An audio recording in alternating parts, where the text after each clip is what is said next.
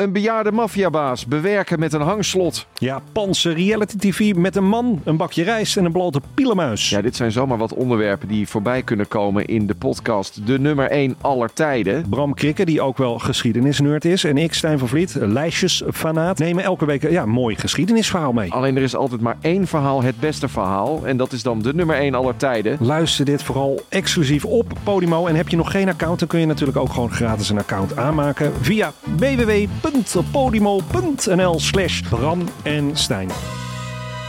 Dit programma wordt mede mogelijk gemaakt door Toto.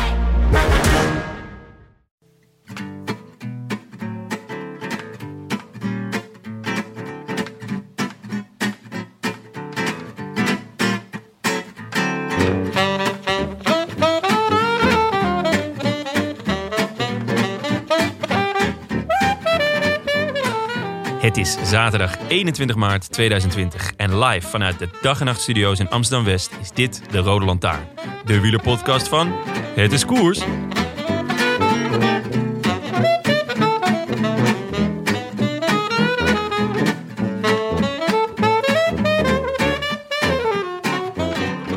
Als het niet kan zoals het moet, dan moet het maar zoals het kan. Daarom kijken wij de komende weken mee met herhalingen van Sporza, die het publiek laat stemmen op een favoriete editie van de klassieke koersen. Vandaag zou de 111e editie van Milaan Sanremo zijn, La Primavera, het officieuze begin van de lente in de hele wereld. Zou, want dat verrekte virus zorgde ervoor dat we voor het eerst sinds 1916 zonder moesten stellen. De kijkers van Sporza besloten dat we dan maar de editie van 2011 zouden moeten terugkijken. U weet wel, toen Gilbert favoriet was en een Greg even op koers leek te liggen om zijn eerste klassieker te gaan winnen. Niks van dat al. De Vaap haalde Greg terug en Pipo Pozzato neutraliseerde een uitval in de laatste kilometers van Gilbert. En allemaal waren ze genadeloos kansloos toen een Australiër van HTC Heinroad aanzette voor de sprint op de Via Roma. Milaan Sanremo is als een puzzel leggen, maar je moet het laatste stukje zo lang mogelijk op zak houden, had Michel in volle finale van Milaan Sanremo gezegd. Matthew Goss reed een meter of 40 op kop van de koers, maar het waren wel de laatste 40. Puzzel compleet, meet. Dat kan misschien wel het goede wiel zijn. Nibali, Alfredo, Cancellara, Gilbert, wat een spanning. Gos zit daar ook uitstekend. Het wordt weer wat ingehouden. Gilbert, krachtig, machtig, maar kan hij het ook afmaken? Dubbele bocht. Gos zit klaar om te winnen. Gos zit klaar om deze 102e Milaan Sanremo te winnen. Een Australiër. Gos uit Parijs-Nice nota bene. Uit Parijs-Nice, vergeet dat niet. Hè. Balan aan het wiel van Gos. Gilbert met Gos aan zijn achterwiel. Even inhouden. Wie durft? Wie durft? Wie nu optrekt is gezien. Oeh, het tempo er helemaal uit. Van achteruit. Scarponi. Scarponi, Scarponi van achteruit. Gilbert aan het wiel van Scarponi. En Gos nu al naast Gilbert. Gilbert, kan je? Durf je? Kan je Gilbert? Gilbert kloppen is zo lastig. Gilbert kloppen is lastig. Gos. Maar Gos, Gos gaat het halen. Gos wint Milan Sanremo. Gos wint Milan Sanremo voor Cancellara en Gilbert. I wish I could be in the south of France. In the south of France. Sitting right next to you. We zitten nog steeds midden in de coronacrisis, Willem en Jonne. Ik Ja. ben wel blij dat je er weer bent, Willem. Want je bent dus eh Ja, keurig, uit quarantaine. keurig op anderhalve meter afstand van jullie. Ja. Ja, ja. Hou afstand, graag. Ja, het is, eh, het is geen gekke tijden om een podcast over wielrennen op te nemen. Dat zal ik, eh, daar moeten we eerlijk over zijn. Maar zoals eh, jij vanmiddag appte, het volk wil brood en spelen. en wij zijn nou eenmaal gladiatoren. Dus we moeten, het, we moeten het ze geven. We moeten het doen. Ja. Wisten jullie dat deze tafel waar we nu aan zitten... die heb ik eh, afgekeken van Joe Rogan... die zijn podcast ook op YouTube uitzendt. En die had dus een hele grote tafel. En toen ging ik dus aan mensen vragen of ze tafel voor onze podcaststudio wilden bouwen. ja. En toen hadden ze een redelijk brede tafel gemaakt. Maar toen zei ik, nee, ik wil een breder. Minimaal, Breder gemaakt. Toen zei ik, nog breder. en nu komt het dus echt van pas. minimaal anderhalve meter. Dus misschien re- redt Joe Rogan ons het leven, wil ik maar zeggen. Wauw. Ja, wat geweldig. Maar hoe hebben jullie het eh, doorstaan afgelopen week? Hetzelfde als altijd. Lekker op het bankie. Hoezo hetzelfde als altijd? Jouw leven is pas echt overhoop gegooid, Jonne. Ja, het is, het is armoedgroef. Dat, eh, qua koers dan. Nee, ja, het is, eh, het is ellende. Maar het is ook wel weer gezellig. Eh Emma is ook gedaan? thuis. Ja, goede vraag. Ehm, ja, veel, veel op de bank gelegen. En eh, Wat kijk je nu, nu je geen wielrennen kan kijken? veel Peppa Pig. Mhm. Super spannende serie. Echt, eh, welke modderpool ze dit keer pakken. Het is altijd weer een verrassing. Ja. Oh, dit Weet je wat het leuke is van met- Peppa Pig? Ja, dit heb ik met Willem dus ook allemaal een keer meegemaakt. Ik vind het hila- ik vind het altijd zelf hilarisch als ze gaan lachen en dan meteen allemaal op de grond vallen. Ah, ik eh, nog, nog een week en ik vermoord het varken. Daar ben ik heel eerlijk in. Zolang je Eh, George maar heel laat. Dat Nee, dat is zo'n jankert, jongen. Ik ben helemaal gek van George. Nee, dus ehm, ja, eh, veel eh, tijd eh, met eh, mijn- familie. En dat is eh beren gezellig. Jullie? Ja. Wil je nog een, wil je nog een goede... Want dit is natuurlijk iets wat iedereen doormaakt. Dat je, dat je allemaal in één keer allemaal super, of superveel kindertv moet kijken. Of eh, heel veel tijd overhoudt. Ja. Ik, had, ik had bedacht, wat, wat is nou de- eigenlijk de ideale anti-corona eh, crisis televisie? En toen kwam ik toch uiteindelijk op Monty Don. Dat is, ken je Monty Don, Tim? Ja, hier heb ik jou iets over horen zeggen en toen heb ik het gegoogeld. Ja, is een, is een Britse tuinman. Oh ja, dus van omdat Een hele- hij eh, een hele beroemde- heel Holland bakt voor het Britse Ja. tuinieren, toch? Ja, een, hele, een, he- een, echte, een echte Brit. Eh, En, eh, een man van middelbare leeftijd die superveel weet van tuinen en van planten en hoe die groeien en zo. En die, heeft, eh, die doet, is al jaren heeft hij op de BBC shows over tuinieren. En, eh, en dat staan ook allemaal op Netflix nu. Onder andere de serie Big Dreams, Small Spaces. en, eh, en dat is echt ontzettend rustgevende televisie. Ah, dat, Die man gaat dan vertellen hoe je, hoe je kunt tuinieren en hoe, dat, hoe de plantjes groeien en wat je waar wel en niet moet zetten. En dat je als je een nieuwe plant zet, dat je dan eerst het gat moet bewateren voordat je de plant erin zet. Het is allemaal, het is echt. goede is- tips ook. ja, maar het is heerlijk om, om want ik vind, je kunt jezelf volgens mij helemaal doldraaien met alle corona nieuws en gekte. Maar ik ben en er helemaal klaar mee. Ja. Maar dus dan is dit is de, de ideale anti-corona televisie. Dus Oh, die eh, wilde, ik, je- wilde ik jou nog graag even meegeven. Maar ben jij zelf van tuinieren? Nou, ik heb, ik heb nog niet zo heel lang een tuin. Dus ik ben het allemaal een beetje aan het ontdekken. En, eh, en ik moet zeggen dat, dat dus het, het is- levert ook praktisch voordeel op om af en toe naar Monty Don te luisteren. Heb je wat staat er in je tuin dan? Eh, van alles, een appelboompje en, eh, Nou, die heb ik ook. En een- Maar dan een balkon. en een vijg. Zo, een vijg. Ik heb best een mooi tuintje hoor, inmiddels. Dus, eh, het, het, het, het piept allemaal omhoog nu in de lente. Het is hartstikke leuk, Willem. Zo leren we je een beetje kennen. Ja, Weet dus- je wel, appelboompje, Ja, vijg. ja. En Jullie hebben nog geen tu- tuinierpodcast, toch? Nee, dat is nu ik erover nadenk. Ik vind het eigenlijk, ik, eh, het triggerde mij ook al. Ik vind het wel interessant, ik vind het wel Zullen leuk. we zo eens kijken of we een tuinierpodcast op kunnen zetten? Ja, dat is misschien wel leuk. Kunnen we Monty Don inbellen en zo? En hoe noemen we het? Kijken hoe het gras groeit? Gras is altijd groener. Kijk hoe het gras groeit. Ja, oké. Maar behalve eh, corona was er ook eh, slecht nieuws deze week. Zo, nou vandaag zelfs. Ik, eh, ik werd wakker met het bericht van The Gambler is niet meer. Ja, dat gaat mij wel aan het hart. Kenny Rogers is overleden. Kenny Rogers. De, de grote countryster. Ja. Eh, op 81-jarige leeftijd vandaag, jongens. Ja. Ik heb hem de hele dag gedraaid. That is what you are. Mooi. Of, maar natuurlijk... eh, We are. hè? Ja, dat, We are. ja, We are. ja. Toch? We are, yes. En eh, natuurlijk zijn wereldberoemde hit, The Gambler. No when to hold 'em, no when to fold 'em. Weet je waar ik dus vandaag door... Dat is natuurlijk altijd... Bij zijn, bij zijn dood worden natuurlijk al die plaatjes weer gedraaid. Mhm. Dat zij gelooft in mij van Hazes. Ja. Van Kenny Rogers. Sterker nog, dat is een rechtstreeks eh, vertaling. Ja. Dat is Ah. echt... eh, Dat is, eh, dat, dat is een lied wat veel, veel geschreeuwd wordt in Huizen die Dok. Het is de enige nummer één hit volgens mij ooit van Hazes. Dan wel niet door hem gezongen, maar Ik wist dat helemaal niet, joh. Ik dacht, dat is echt... Ik, ik had daar gewoon het rijmwoordenboek van André weer... dat heeft hij ook erbij gepakt. Maar wel ook dan nog met even de melodie en de tekst ook nog van iemand anders gejat. Ja, En, maar de- de- het origineel is echt prachtig. She Believes in Me. She Believes Zeker. in Me. Ja. En eh, hij heeft het mooi gedaan, want eh, een van zijn beroemde zinnen uit eh, The Gambler is... The best that you can hope for is to die in your sleep. En, dat, en dat is gelukt. Dat is gelukt. Hartstikke dus eh, Kenny. bij deze, Kenny. Oh, mooiste Ja. aan Kenny. Zo Absoluut. leren we elkaar toch wel kennen. Hè? Tuinieren, Kenny Rogers. We zijn echt van alle markten thuis. Zo leren we elkaar Kenny. Hè? Jezus. Goed, oké. Tim, jij was vandaag hoofdnatje. Wat heb je voor ons meegebracht? Ja, eh, het, is, eh, het is lente sinds gisteren volgens mij. Hè? Dus eh, sinds gisteren is het officieel lente.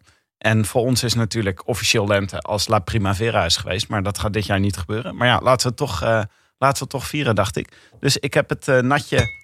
Pardon. Mooi. ik proost, Mooi. ik proost in de microfoon. Even lekker met je bek in het zonnetje.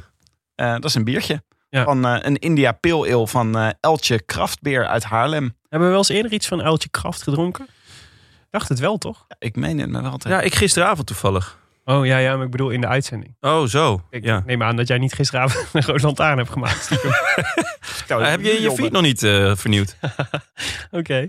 Dat zou leuk. Dat zou ik nou een leuke verrassing vinden. Dat ik in mijn eentje daar... eh, Een soort, een soort flashmob. Van nou ja, ik, dat biertje heet ook Me, Myself en IPA. Dus eh, dat zou wel mooi, eh, mooi toepasselijk zijn. Maar even lekker met je bek in het zonnetje heet hij. Een ses- Sessionable Pale Ale.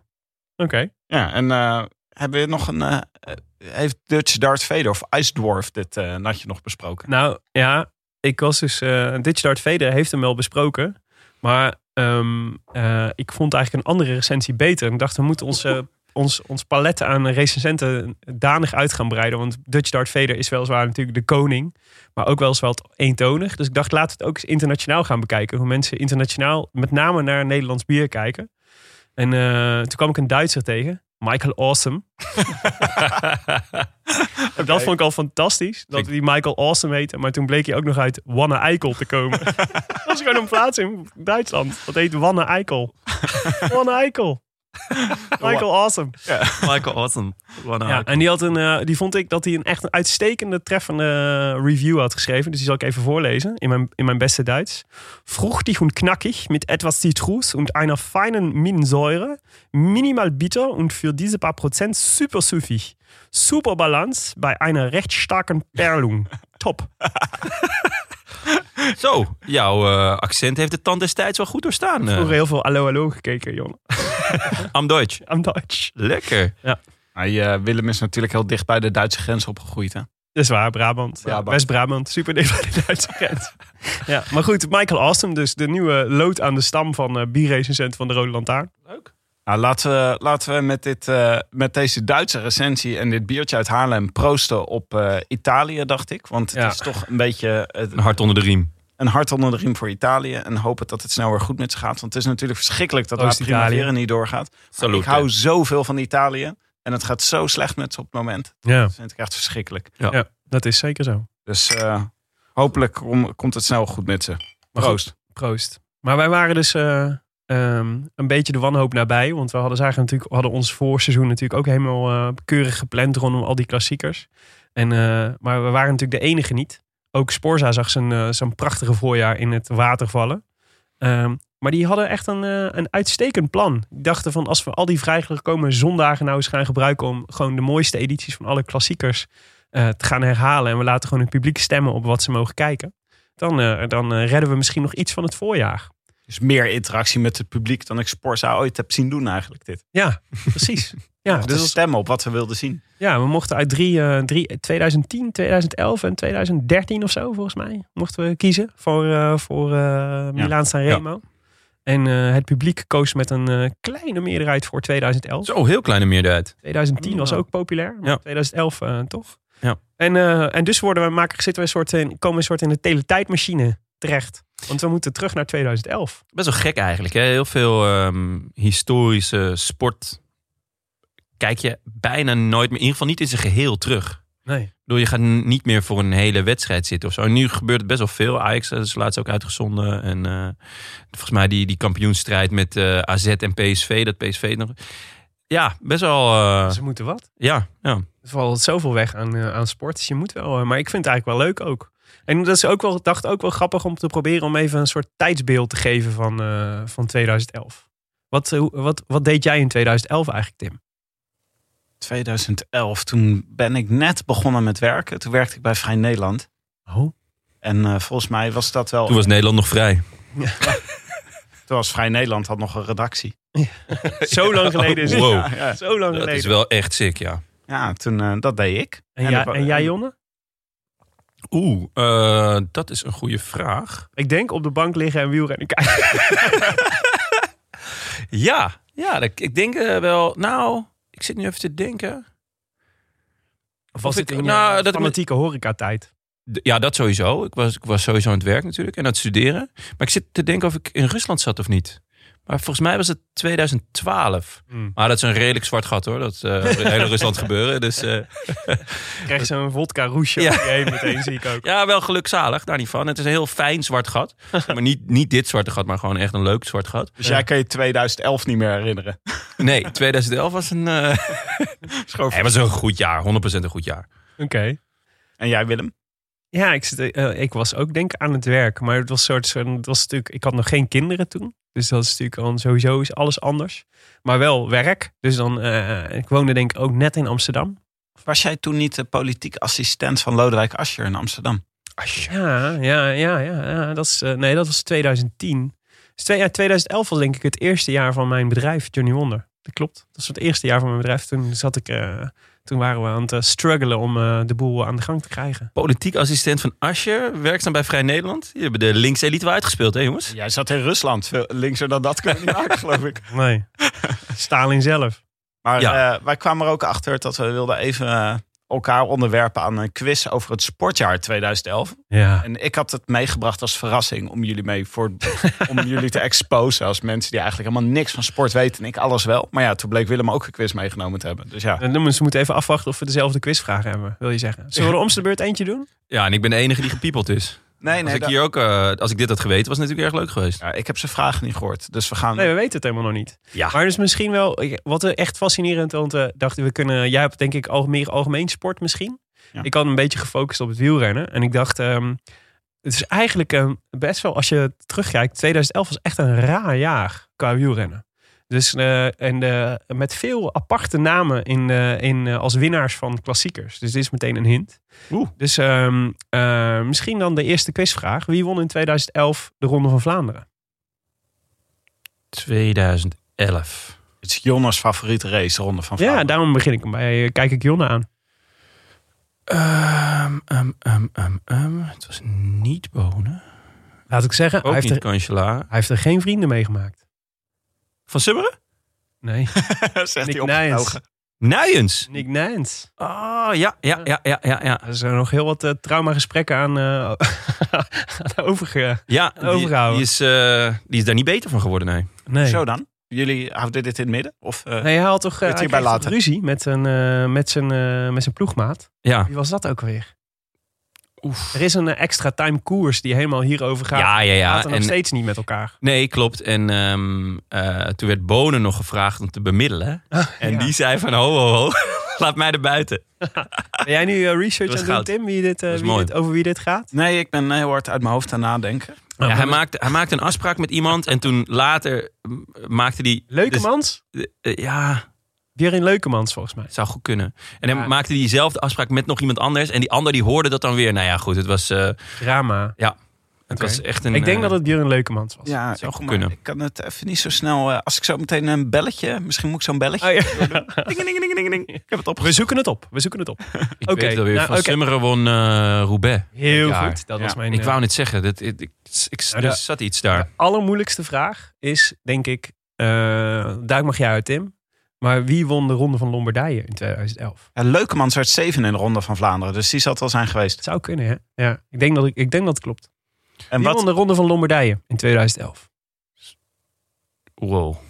Um... Als je deze weet, Jonne, dan, dan kom je nog hoger in mijn achter dan je al staat. Ik, uh, ik heb echt geen flauw idee. Nee, ik heb geen flauw idee.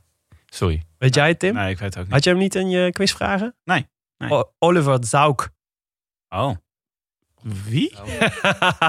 Dit was precies mijn reactie. Oliver Zauk? De minst, de minst tot de verbeelding sprekende winnaar van de Ronde van Lombardije ooit. maar uh, hij is ook beland in... Uh, ik, ik kende toevallig zijn naam, omdat hij in de laatste Bahamontes magazine... wat een, ook een aanrader is trouwens in coronatijden... om daar lid van te worden, want het is echt, of abonnee van te worden. Echt een heel leuk blad. Maar die had een, een themanummer over eendagsvliegen. En uh, een van de, volgens mij stond Oliver Zauk stond als, uh, als de nummer 1 of de nummer 2 beroemdste eendagsvlieger uit het, uh, uit, uit, de, uit het wielrennen. Ah. Ja. En, en dat komt omdat hij, hij is één dag in zijn leven is hij fantastisch geweest. En dat was in de Ronde van Lombardije in 2011. Niemand kent dag. hem. Ja, nee, ik... Maar dat is toch bizar? Jij kijkt alle wielrennen. Ik kijk al heel super veel wielrennen. Tim kijkt allemaal wielrennen. En we zitten allemaal... Oliver Zauk? Waar komt hij vandaan? Ja. Zwitserland. Ja. Ik weet vrij zeker dat we naar aanleiding hiervan een mailtje gaan krijgen. Ergens de komende dagen met ja. iemand die vertelt over de culturele significantie van Oliver Zauk. Ja. En dat het gênant is dat we dit niet weten. En we hebben nog uh, Luik Bastenaak Luik, had ik nog op mijn lijstje staan. Dat was de enige die door een normale renner gewonnen is. Dat is Gilbert. met alle respect voor, uh, voor de rest. Gilbert. Ja, ja Gilbert. Volgens mij won hij alles dat jaar. Eh, ja, be- Behalve. Ja. Oeh, wat een cliffhanger. Wat een En, cliffhanger. eh, en de Tour de France? Podium in de Tour? Kunnen jullie dat noemen? Volgens mij was dat Evans. Ja. Was dat- ja, was dat Evans? Cadelleke Ted. Oh, dat Ja, eh, eindelijk. Dat hij, voor het eerst dat hij aanviel. En toen won hij ook gelijk. En wie zit er daarachter? De... Slekjes? Ja, denk ik ook. Ja, ja de Lekker slekjes. jongens, allebei de slekjes. Ja. Lekker. En voor Ja. de bonus, wie werd er vierde? Iemand eh, onop, een opvallende renner die ineens heel goed reed in de Tour? Eh, bedoel je dit, zeg je dit ironisch of, Nee, nee, dit gaan jullie... of cynisch bedoel ik ik? denk dat jullie hier opgetogen over gaan zijn. 2011. Ehm, Oliver Tsauk? Nee, het is Veuclair. Oh, Oh, oh ja, natuurlijk. Deze, Dat was eh, die. Ja, ja, ja, heel lang in het geel gereden. En, en deze, het allerleukste. Beste Nederlander in de Tour van 2011. Eh, 2011. Geesink? Nee, dat was nog te... Die reed, die reed wel heel goed. Die, eh, maar die, eh, eh, eh, nee, die viel uit op een gegeven moment. Ehm, Rob Ruig? Ja hoor. Ja, ja, ja, Op de ja, twintigste ja. plek. Fantastisch. Lekker. En dit 20ste plek? Ja, twintigste plek. Ja, Ik weet het, ik zat te kijken. en dan elke keer zoeken, zit Rob er nog bij. was dit was midden een in het tijdperk. Oh, ik ben zo blij dat we nu in het tijdperk Mollema zitten. Ja, dit, was, eh, dit was ook het jaar dat Mollema zo goed reed in de Vuelta. En deze Tour was de Tour van Johnny Hoogland. Oh, dit is de eerste podiumplek eh, in, Ja. de, in, in de Vuelta van eh, Mollema, toch? Hier Ja. werd hij derde. Ja. Althans vierde, maar toch derde achteraf. Ik heb nog twee leuke vragen voor jullie. Wie werd kampioen in de eredivisie? PSV. Ja, een goede gok in deze periode. Hè? Dat was echt een Eh, saaie eredivisieperiode. Ja, is het eh, PSV? Nee, Ik het, gok Twente. nee, nee, het was AZ heeft wel lang eerst gestaan dit seizoen. Maar het is eh, Ajax. Hey. Het was het jaar met eh, Theo Jansen. Oh, ja, ja. Eriksen en eh Siem de Jong als topscorer met 12 doelpunten. Nou, dan ga je. Och, Jeetje. dat was ook armoedtroef, hoor. En eh, de Ik zie champion- meteen eindeloze balletjes breed voor me nu. Ja, ja, ja, precies. Frank de Boer, Frank de Boer. pong met 22 mensen. En de Champions League finale was Barcelona en Manchester United. En daar speelden twee Nederlanders mee in de finale. Eh, Weet je, kadetje? van? Bronkhorst. Van de Saar, Ja. zegt John. hè? Ja, dat klopt. Eh En die ander, Aflaai. Aflaai. Ingevallen 88 Oh. minuut. Oh, en die maar geef ook nog de assist, toch? Of uh, won Barcelona die niet? Ja, Barcelona won met maar Ja, die- met, eh, 4-1 Ja, of dat zo. is Assist was in de halve finale. Oh, oké. Dat staat me nog bij. Dat is het enige hoogtepunt van Aflaai bij Barcelona. Ja. Behalve dat hij hele goede vrienden met Messi was. Echt? Ja, Hele goede vrienden met Messi. ja. Inmiddels is het wat verwaterd. Lijkt me niet. Nee. lijkt, me, lijkt me niet. Stel, ik, we mogen weer de kroeg in. En Messi en Afellay bellen van... Hey, ga je mee? Dan, denk, ik- dan pas ik even. Lijkt me niet de eh, gezelligste groep om mee, eh, mee naar de Getver te gaan. Er was vandaag, of gisteren was een eh, vraag op Twitter dat eh, als je, als stel dat de quarantaine nu eh, super strak wordt en we moeten allemaal eh, weken, of drie weken lang eh, eh, ons geïsoleerd in ons eigen huis blijven, met welke renner zou je dat dan het liefste doen? Oh ja. Oh, dat is, Ja. wel een leuke vraag. ja, vond ik ook. Ja. Moet het een man zijn? Eh, eh, ja, nee, nee, nee, natuurlijk niet. Ehm, nee, welke? eh, ja, dat is, dat vind ik. Ja, mm, ik zou eigenlijk gelijk Sagan zeggen. Ja? Ja, Ja, zo genieten. ja het is wel drie weken, hè? ik zou een dag met Sagan heel leuk vinden. maar drie weken? Ja, nou, dan ga ik voor Sam Omen.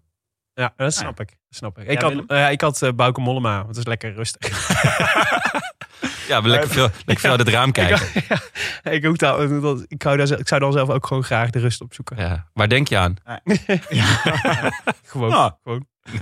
Nergens. Nee, ja, hebben jullie die vakantiefoto's gezien van Chris Froome en Rigoberto Uran die met z'n tweeën op stap waren vorig jaar? Dat was een feest, zeg. Dus Ja. ik zou sowieso Rigoberto Uran kiezen. En nu, eh, nu was Froome in Zuid-Afrika met, eh, met eh, Dylan van Baarle samen. Oh ja? Nog la- last minute trainingskamp. En dat was een heel leuk bericht in de krant over Dylan van. Die, die over dat, dat hij het zo mooi vond dat Froome alle dieren herkende. En toen noemde hij als voorbeeld zebra's en apen. Wat, ik, wat ik dacht, ja, dus, dus wel inderdaad super knap dat hij die kon herkennen. Allebei. Ja, ik vond dit ook. Hij komt van ver, hè, Froome. Hij komt echt van ver. Dan is het toch wel gewoon belangrijk dat hij dat herkent. Zeker. Oh, nou, jongens, fantastisch Het meest tijdsbeeld. herkenbare dier ooit waarschijnlijk de zebra. Mooi tijdsbeeld van 2011. Zeker. Oké, we hebben het vandaag over Milaan Sanremo. Jonne, kan je iets vertellen over deze koers? Uiteraard, Milaan Sanremo. Eh ongeveer eh, 300 kilometer. Eh, door de prachtigste Italiaanse gebieden. Nou ja, zoals we eh, wel bekend, officiële begin van de lente. Eh dus altijd een kopgroep eh, waar Chalingi dan in zit. En eh, die is gedoemd om te falen, dat Die weet je. waarschijnlijk vandaag ook gewoon in de kopgroep. Maar niemand heeft hem gezien. Nee. Eh, ja, voor de rest eh, sprinters die, eh, die afhaken op de Cipressa en de Poggio. En pun puncheurs die sterven in de slotkilometers op weg naar de eeuwige roem. Ehm, het is wel leuk als je kijkt naar de, naar de overwinningen van de afgelopen tien jaar. Dat de... ehm, eh, er, telkens, het is altijd een gevecht van: oké, gaat er een sprinter winnen of gaat er iets, een, een aanvaller, puncheur winnen? Dat is altijd wel een, leuke, eh, een leuk gevecht. Eh, in de jaren, dus die 2011, dat hier Gos won. Eigenlijk de jaren daarvoor hadden er best wel wat, eh, wat sprinters gewonnen. Dus eh Frère, 2010 en 2009 Cavendish. 2007 ook Frère, maar daartussendoor dan toch wel weer Cancellara. En in 2006 dan Pozzato. Maar in 2005 bijvoorbeeld Petacchi. Ja, dat, dat, dat zou ik nu toch niet meer denken. Dat, dat, een, dat een dergelijke sprinter ehm, de, de, de Poggio goed, zo goed overkwam... Dat hij, en dat hij dan daarna ook nog... eh dat Ja, moet je dan aardig wat macht hebben, wil je dat, eh, wil je dat kunnen, ja. ja, en, en eh win tegen hè, na de Poggio. Dat, Hmm. dat is in het voordeel van, eh, van de sprinters. Maar zat dat ook zo in 2011 eh, zag ik ook goed bij nog, Petaki. Tot vrij lang. Ja, ja, ja, ja, ja, ja, klopt. Zat hij toen bij Lampre? Want ik had sowieso het Ja. gevoel dat Lampre de hele tijd in beeld reed. Ja, nou, het- dat kwam de Scarponi ook eh, een, eh, een wereldkoers reed. Zo, ja, ja, ja. Weilen, Weilen eh, Scarponi. Eh, Toen nog inderdaad in dienst van Lampre. Maar die in zijn eentje eh, een gat. Het, eh, de, de enige was die over wist te steken van de tweede groep naar de eerste groep. En eh, dat was echt een, een wereldprestatie. Want in die eerste groep reden ze gewoon vol door met allemaal kleppers. En hij, eh, hij reed er gewoon naartoe. Dat is echt Ik even- fascinerend. ik moet hier heel even ingrijpen. Willem, we zijn nog even met parcours bezig. Oh, sorry. Over Milaanse Nou ja, eh, als je dus kijkt naar de laatste drie jaar van eh Sanremo. Vorig jaar won natuurlijk eh Alla. En het jaar daarvoor Nibali. Alla Philippe, hè, bedoel je? Oh ja, Alla Philippe, sorry. Ja. Maar het is koosnaampje, Alla. Jonne mag Anna zeggen. En, eh, en Nibali het jaar daarvoor. En het jaar daarvoor eh Kwiat. Of, of zoals wij hem kennen, Jatkowski. Michal, Jaap Aap. En het jaar daarvoor was een beetje dubieus. Dus met eh Demar. Die, eh, waar de geruchten toch wel heel sterk zijn dat hij eh, aan de auto heeft gehangen eh, op de Poggio. Hmm. Ehm, dus ja, ja, dat is altijd een beetje de, het, eh, de vraag. Van gaat, er een, gaat er nou een pure sprinter winnen of juist een, een puncheur slash aanvallen? Dat is wel leuk. En het is ook nog een beetje veranderd in de laatste jaren. Dat er een tijdje lang kon er dus niet op de bekende Via Roma gefinished worden. Dus toen was, even, eh, was het even verlegd eh, naar die weg die langs het strand loopt. En in 2011 was hem dus nog lang- eh, op die weg die langs het strand loopt. En eh, de laatste jaren is het weer teruggelegd naar de beroemde Via Roma. Ja. Dus in 2011 werd er niet gefinished daar. Het werd op de, weet je ook weer, die, eh, ah, die Italiaanse schrijver. Die straat is genoemd naar een Italiaanse schrijver. Kom ik zo op. Een Italiaanse schrijver. Een Italiaanse schrijver. Machiavelli? Eco. Nee, ik wilde zeggen Alessandro Barrico, maar dat klopt niet. zeg, nee, ik Garibaldi? Garibaldi? Del Piero. lekker bezig, jongens. Echt. Ja. Ook. Ehm, Ja. Het is niet mijn favoriet koers. Eh, want hij is rammend lang. En ja, je weet eigenlijk altijd wel, de, de beslissing gaat, eh, gaat op, de, op de Poggio vallen. Eh, althans, de, die- eigenlijk is de laatste... Ik zeg altijd, je moet niet eh, alleen de laatste 30 kilometer kijken.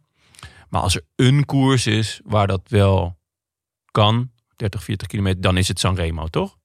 Ehm, Jullie kijken me nu aan alsof je water Ah, nee, om de laatste der- alleen de laatste 30 Ja, laatste 40. dan. Ja, nou ja, normaal gesproken. Ja, daar heb je natuurlijk gelijk in. Want normaal gesproken is de rest best wel saai. Dus meestal wat ik.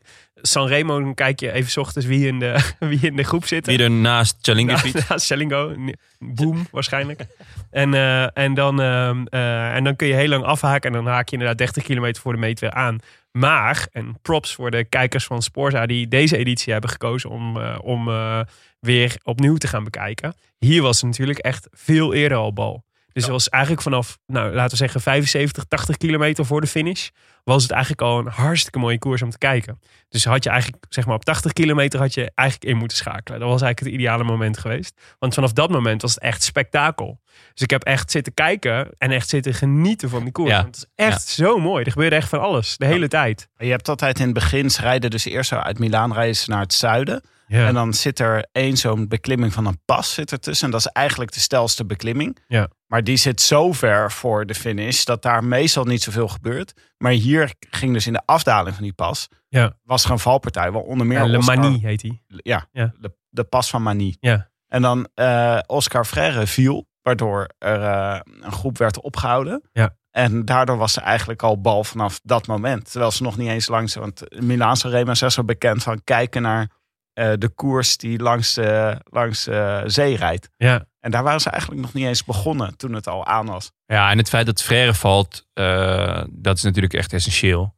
Want die moest toen achtervolgen. En Frère was ja, toch ook wel echt een van de topfavorieten. Die had hem al drie Had keer hem- gewonnen. Ja. Hij stond, Het jaar daarvoor had hij hem natuurlijk eh soeverein gewonnen. De val viel nog wel mee, maar hij had eh, geloof ik anderhalf minuut langs de kant van de weg gestaan voordat de ploegleidersauto bij hem was. Ah. Want zijn, eh, Waarschijnlijk was Jan Boven plassen toen al. zijn fiets was ook geblokkeerd door die valpartij. Dus Ja. eh, hij kon niet, meer, eh, kon niet meer vooruit. Vrij essentieel onderdeel van een wielerkoers. Ja, Ja. Dat, is een, eh, dat, is, maar dat is ook de wet Een goede van Willem, fiets is wel belangrijk, ja. Oh nee, het is niet de wet van Willem Dudok. Het is gewoon, het is gewoon ook handig. Een goede fiets is handig. Dat is misschien de eerste wet van Tim de Gier. Ja, een goede fiets is handig. Eh, maar eh, eh, misschien nog leuk om even voor de context. Het was vlak na de aardbeving en de tsunami in Japan. Ja. Dus de koers begon die dag met een, eh, het wapperen van de Japanse vlag. Gewoon uit eh, solidariteit. Om even, Sympathiek. oh, even sympathiek. Er was één Japanse renner in koers. Takashi Miyazawa. Ook nooit meer iets van gehoord. Nee, want die, Jawel, die schijnt eh, de Ronde van Lombardije nog een keer gewonnen te hebben. Wel een andere onder- naam onder en een een schuilnaam. andere... Ja, Hij moest ook deze dag met de Japanse vlag op zijn stuur rondrijden. Dus dat is ook niet heel dan praktisch. vang je veel wind hoor. Maar door de, door de valpartij was eh, dus eigenlijk eh, begon er toen een achtervolging van een groep waar onder meer Frère in zat, maar ook Thor Huushoft. Ja, dat vind ik wel lekker. Daar komen wel namen voorbij. Ik was echt fan van Husoft. Zeker in die, eh, in die wereldkampioentrui, die regenboog. Het is echt zo'n gigantische gast. Ja. Er zijn weinig mensen die de naam Thor zo goed konden dragen. Oh ja, Ja. ja. Als ik een zoon krijg, dan ga ik dat wel echt proberen hoor. Om Thor Huushoff te noemen. ja, om, om, om dat er doorheen te krijgen bij me. En eh, Mark Cavendish zat er ook bij en Tyler Farrar. En eh Farrar was ook een van de favorieten, want hij had heel goed gereden in eh, Parijs-Nice. Ja, ik, ik la- las dat. Ik las dat, eh, dat, dat, dat Ferrari bij de. Maar dat snapte ik eigenlijk nooit. Ik snapte ook nooit waarom mensen nou zo'n topsprint in hem zagen. Het was toch gewoon een goede, goede piloot, om het zo te zeggen. Hij was Ja. gewoon een goede, goede aantrekker. Maar ik kan, me echt herinneren, ik kan me echt heugen van die tijd dat hij altijd inderdaad bij de favorietenlijstje stond en het nooit waarmaakte. Nee, ik dacht altijd van ja, moet je er nou mee? Nee, is er gewoon, ja, is er nooit helemaal Hij uitgekomen. kon wel aardig zo'n klimmetje overkomen. Dat was natuurlijk ja, dat zal het een zijn. beetje. Ja. En als, ehm, als sprinter moet je toch wel meer dan... Maar welke, welke namen, eh, want, je, want we hebben natuurlijk allemaal teruggekeken. Welke namen vielen jullie op? Waarvan dacht je, waar, waar ging je aan? Ja, jij zei al Huushoft natuurlijk. Ehm, ja, eh, Cavendish. Ja. Eh, Vond ik wel heel... eh, ja, die rijdt natuurlijk nog... Gilbert. Greg. Ja. En En ik- Gilbert, laten we ze allemaal even één, voor één afgaan. Gilbert is natuurlijk al sowieso fascinerend. Dat die, die was, eh Wielerflits had, een, eh, had haar ehm, eh, voorbeschouwing van 2011 weer even terug, eh, teruggehaald. Ja, dat was erg welkom. En daar hadden ze Philippe Gilbert als de favoriet voor... Nee, nee, nee, nee. nee. L'Equipe had hem als... oh ja? Nee, volgens mij Wielerflits ook. Nee, nee, nee. Frère was bij Wielerflits. Oh, oké. eh, Nou ja, Dus Gilbert kreeg twee of drie sterren. Ja. Maar bij L'Equipe, iedereen keek naar Gilbert. Ja. En in hindsight is dat natuurlijk extra... eh, Ja, dit was een kans. Ja. Ja. En, en Is eigenlijk... ooit wel zo dichtbij geweest als, in, eh, als, als nu? 2000, als 2011? Wacht even, de context hierbij is dat eh, Ja. Gilbert die heeft nooit Milaan Sanremo gewonnen en alle andere monumenten wel. Ja. En wil dolgraag Milan Sanremo winnen om alle vijf monumenten eh, Ja. op een rij te hebben. En hij was hier, kwam hij dus echt als een van de favorieten. Hij reed toen bij eh, Lotto. Ja. Ja. En hij was echt ontzettend goed. Ja. Dat zag je gewoon in alles, deze koers. Ja. Maar dit was denk ik voor Philippe Gilbert, was 2011, was echt een jaar waarin hij ontzettend goed was. Overal waar hij meedeed, reed hij heel goed. Hij won later ook Amstel Gold Race volgens mij. Luik Bastenaken Luik. Ja. Mhm.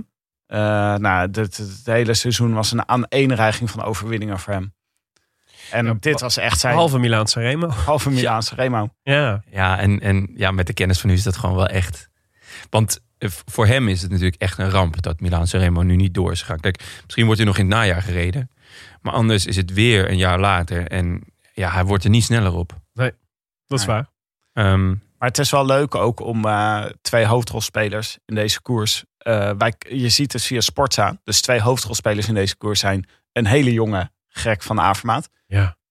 Wienzaam, ik soms vergeet dat ze me uitspreken als Greg en niet Greg. Greg, Greg. Greg van Avermaat. En, eh, en eh, Philippe Gilbert, die later met z'n tweeën bij BMC in een soort wurggreep met elkaar terechtkomen. Ja. Ja. En eh Greg rijdt hier al voor BMC. En Gilbert heeft de overstap nog niet gemaakt. Had Maar nog dit- niks gewonnen, Greg. Eigenlijk nog niks, niks groots in ieder geval. Nee. Wel best wel veel ereplaatsjes al in het seizoen daarvoor. Ja dat was, dat, die jaren waren in mijn ogen misschien wel Greg op zijn mooist. Kijk, de, mijn liefde voor Greg zit hem in het feit, en dat, dat heb ik geleerd van eh, Frank Heijnen, vriend van de show. Ehm, die, die een paar keer per jaar de column schreef over dat Greg toch wel weer de sterkste man in koers werd, was. Maar dan toch weer zesde werd. Ja. En dit was ook weer zo'n gevalletje. Ik weet niet hoeveel, ik weet niet hoeveel die uiteindelijk werd. Iets, iets van achtste of negende of zo. Eh, ergens was het ook wel bijna jammer dat Greg op een gegeven moment is gaan winnen. Ja. Kijk, natuurlijk als fan hoop je daar natuurlijk heel erg op. Ehm, maar hij was zo goed in zesde worden. Of vierde. En ja, dan, het, het was gewoon bijna jammer dat hij, dat hij ineens gouden gerecht werd. ja. Maar ook wel. Mark heeft die rol natuurlijk een klein beetje overgenomen. Ja, nee, zeker. Dat, dus daar zijn we blij. Laten we daar dankbaar voor zijn. Eh, dat Sepp dat, eh, die rol eh, met verf... eh, Het is zo mooi ook, ehm, vond ik in het commentaar op die, op die koers over de hoop van, eh, van eh, het was eh, Michel Wuits en Carl van Nieuwkerken, Ja. volgens mij, die, de, die het commentaar deden. De, de hoop dat, eh, dat Van Avermaat voorop bleef. Dat dan Van Nieuwkerken iedere keer zei, als het dan vier seconden was, dat zei ja, vier en een half. Ja, ja. Zo Terwijl je het kon zien vanuit de Ja. helikopter. Dat ze En je dacht, oeh, dat zijn het max twee. En dan de hele tijd die hoop zo omhoog. En dan op een gegeven moment dat dan iemand constateert dat, dan, dat ze dan zeggen: Ja, Matthew Goss is wel de topfavoriet. Ja, Ja, dat is waar. ook zo leuk. En ook wel grappig eh, om te zien de, wat voor verandering eh, Greg heeft gemaakt als renner. Als hij nu namelijk vooruit zou zijn geweest en hij zou die, eh, die potje opgeknald zijn, dan had iedereen gezegd: oké, dit, is, dit is kat in het bakkie. Ja, Ehm, en, en zeker eh, nog na 300 kilometer, eh, dan kreeg ze natuurlijk heel taai. Eh, ja, dan, dan, dan kon je hem al opschrijven. En nu was het echt zo, oeh, zou hij het gaan halen? Ja, het is nog wel, hij is nog wel heel, heel jong Ja. en licht. En, ja en Nibali achter zich aan. De beste dalen van het peloton. Nou ja, ik weet dat jij nu weer gaat, gaat mekkeren en miepen. Maar ik ben gewoon fan van, van Nibali. En laten we wel wezen, wat hij hier doet, Mhm. Jaren later, eh, 2018, Ja, ja. wint hij hem gewoon zo. ja, het is een prachtige prelude op die, Ja. op die overwinning. Je ja, ziet- vond ik ook. Je ziet echt gewoon, je ziet hem gewoon gaan. Ja. Eh, en je, je ziet hier die overwinning van, van eh, eh, zeven jaar later, zie je er echt in terug. Nee, het is zeker, toch- zeker waar. Het is... Nou, nog heel even over Greg en, eh, en ehm, Philippe eh, Gilbert. Philippe Gilbert. Het is toch wel grappig dat eh, Gilbert is hier duidelijk op een soort piek in zijn carrière. Greg van Avermaat die zit in de eh, curve omhoog. En eh, het zakt, de piek van Gilbert die zakt even een paar jaar in. Zeg maar in de periode 2014, 2016 is hij stuk minder goed. Ehm, eh, dan zit hij dus daar bij BMC. Een beetje tweede viool eigenlijk achter Greg te spelen. Die dan wel ineens gaat winnen en heel erg goed is. En dan komt er weer een nieuwe Philippe Gilbert piek daarna. Waarin hij weer eh, in één seizoen, ik geloof 2017 of zo. Ja, ja wat, wat, hij weer, ging hij weer een partijtje huishouden. nou, dat, dat, heeft hij, dat is best wel mooi. eh eh, dat is een heel mooie keuze die in ieder geval heel goed eh, is uitgepakt voor, eh, voor Gilbert. Gilbert reed inderdaad bij BMC. Maar omdat Greg daar ook reed, ehm, was het een beetje van we verdelen de, we verdelen de, de, de buit. Eh, Greg ging de kobbelkoers rijden en Gilbert ging, ging eigenlijk alleen maar dus, eh, de, de pijl en eh, dus de Waalse koers. Ook natuurlijk omdat hij daar heel veel succes in had gehad. Ehm, maar dat neemt niet weg dat Gilbert eigenlijk ook wel die andere koers had willen rijden. En hetzelfde geldt voor Greg ook andersom. Dus die hebben jarenlang een beetje ehm, ja, elkaar in een, in een wurggreep gehouden. En toen heeft Gilbert, die is toen eh, naar Quickstep gegaan. En die heeft toen voor een prestatiecontract. Dus die heeft echt gez- eh, gezegd van, nou ja, Oh ja. ja, Lefebvre later van zei dat hij er bijna failliet aan is gegaan. Omdat hij toen alles won. Nee, ja, zeker. En dat was heel vet, want daardoor ging Gilbert ineens weer eh, ook allemaal kobbelkoersen rijden. En ehm, had hij echt een debiel goed jaar in 2017. Ja. Het vond het mooi. Zo'n altijd zo'n sleutelzinnetje vond ik in dat verslag over. eh, ik had hem ook in de inleiding gezet. Over dat eh Milaan Sanremo een puzzel is. En dat je het laatste stukje altijd op zak moet houden. Ja. En ehm, ik dacht dat is wel interessant. Zeker als je met hindsight kijkt. Van wat dan de. eh, in deze koers wat dan echt de sterke renners waren. Dus van Van Avermaat had misschien nog net, net niet de ausdauer die nodig was om dit zeg maar af te maken. Maar ik was echt bijvoorbeeld over van Johan Ofredo. Was ik Ja. echt onder de indruk. Die maakte echt eh, tot een aantal, een aantal keren eh, een, eh, deed hij een aanval waarvan ik dacht, wow, dit is, er zit echt power achter. En bij hem had ik echt het gevoel, dit had, je, dit had jouw koers kunnen zijn als je, als je de puzzel iets beter had gelegd uiteindelijk. Dus je krachten iets beter had verdeeld. Hij rijdt gewoon nog steeds rond. Hè, Ja, bij. Wanti rijdt Ja. hij nu. Ja. ja. En Alfredo heeft natuurlijk, dat is natuurlijk, die heeft nooit zijn echt die belofte nooit meer waargemaakt. Nee, want dat, dat verbaast me ook wel. Ik zag hem hier rijden een paar keer in de aanval. Echt sterk in de aanval. Toen dacht ik, ik wist helemaal niet dat hij zo goed was, joh. Nee, ja, grappig hè? Verbaasde Ja. me een beetje. Ja, Ja. vond ik ook. Dus eh, we hebben hier veel eh Alfredo in de aanval gezien. Eh, wat ik ook, ehm, het was ook een moment. Het was ook echt een Cancellara moment. Hè, deze Milaan Sanremo. Hij was, Cancellara was in deze tijd ontzettend goed. Je had toen net eh, track. Mhm. was toen, begon toen een beetje, toch? Dat was, ehm, Ja. En, ehm, eh, maar Cancellara achteraf is altijd het gerucht een beetje aan het blijven plakken dat hij met een motortje rondreed. maar als je hier... Ah, Cancellara had een enorme motor, dat weet iedereen. Ja, maar die was, die, eh, die, was, eh, die was in deze Milaanse Remo dus ook weer nou ja, ontzettend sterk, zeg. die Jeetje. sprint. De sprint. Maar ook hij was, eh, volgens mij was hij het die het gat dichtreed met Greg van Avermaet Ja, zeker. afdeling Ja, ja, ja. van de Poggio. Ja. Gewoon op van die rechte stukken, gewoon keihard er naartoe fietsen. Ja, Cancellara die rijdt echt een, een, eh, een heel indrukwekkend, een machtige sprint. Dus echt op een grote plaat. En eh, hij komt van, van best ver.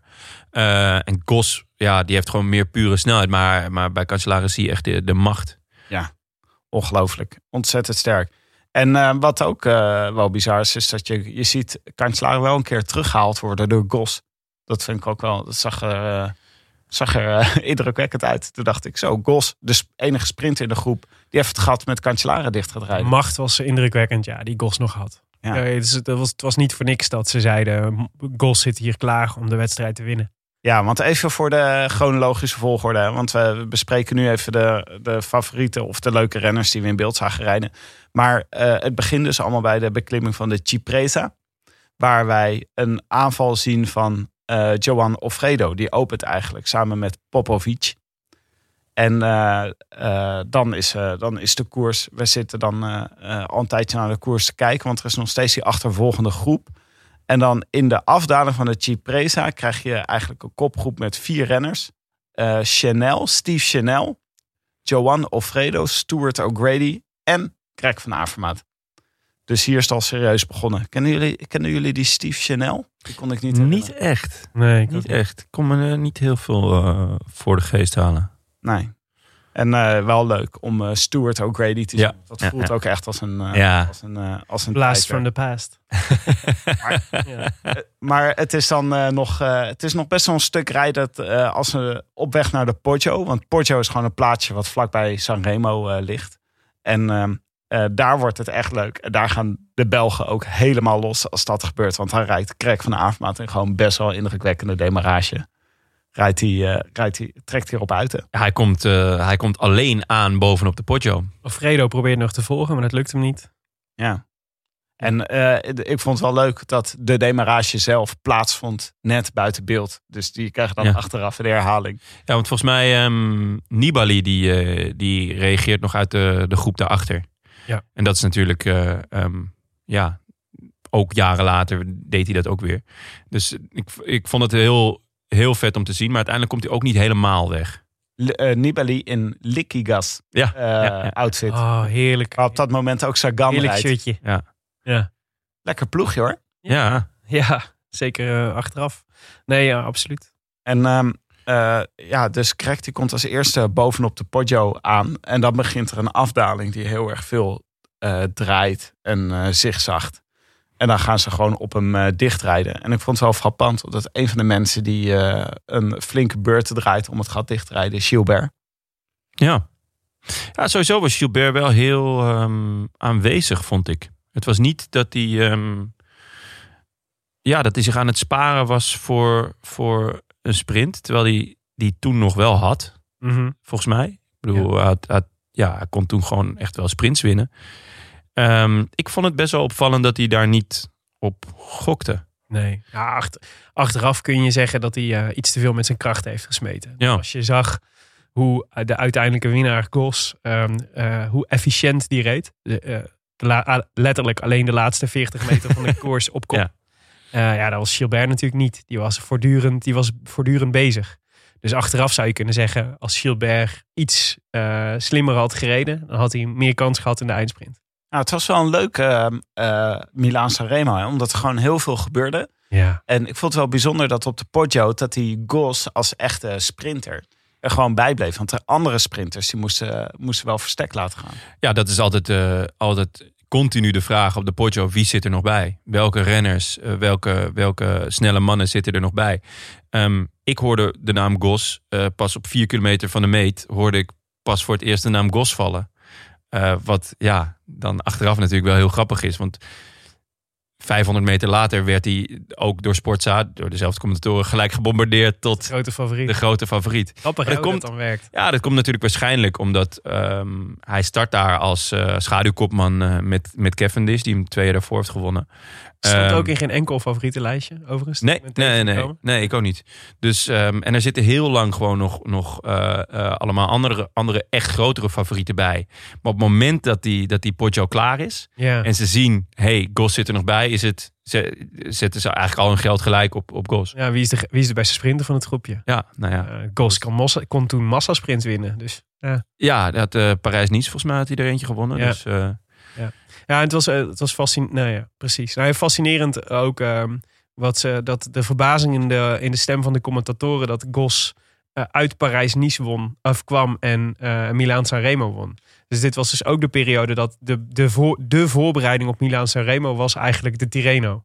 Die, eh, die je moest rijden, en niet Parijs-Nice. Ja. Ja. dat snap ik eigenlijk ook wel hoor. Eh, Parijs-Nice is toch gewoon echt een beestenkoers. Ja, Het is gewoon, eh, ja, met eh, f- ja, grote halen snel thuis. En eh, veel wind en regen en ellende. Dus echt wel een goede voorbereiding voor, voor een Vlaams seizoen. Maar ja, als je gewoon lekker, eh, lekker wil koersen en, en nog lekker wil sprinten. Ja, dan zou ik ook liever naar die Tirreno gaan, toch? Ik, had, eh, ik had nog even opgezocht. Het was inderdaad ook echt een heel erg regenachtig en koude Parijs-Nice geweest. Ja. Dus dan de renners die eh, in hun agenda Milaan Sanremo hadden aangekruist. Die Ja. hielden daar eigenlijk allemaal een paar dagen van tevoren hielden ze mee op. Omdat het daar zo koud was.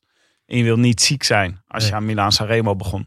Wat bijvoorbeeld Tom Bonen overkwam. Die eh, in de week daarvoor ziek was. En eh, eh, ja, dus eh, hier... En anders ook al een van de favorieten was geweest. Wat zouden jullie doen? Zouden jullie voor eh Parijs-Nice of Tirreno gaan? Ik zou lekker op de bank blijven liggen.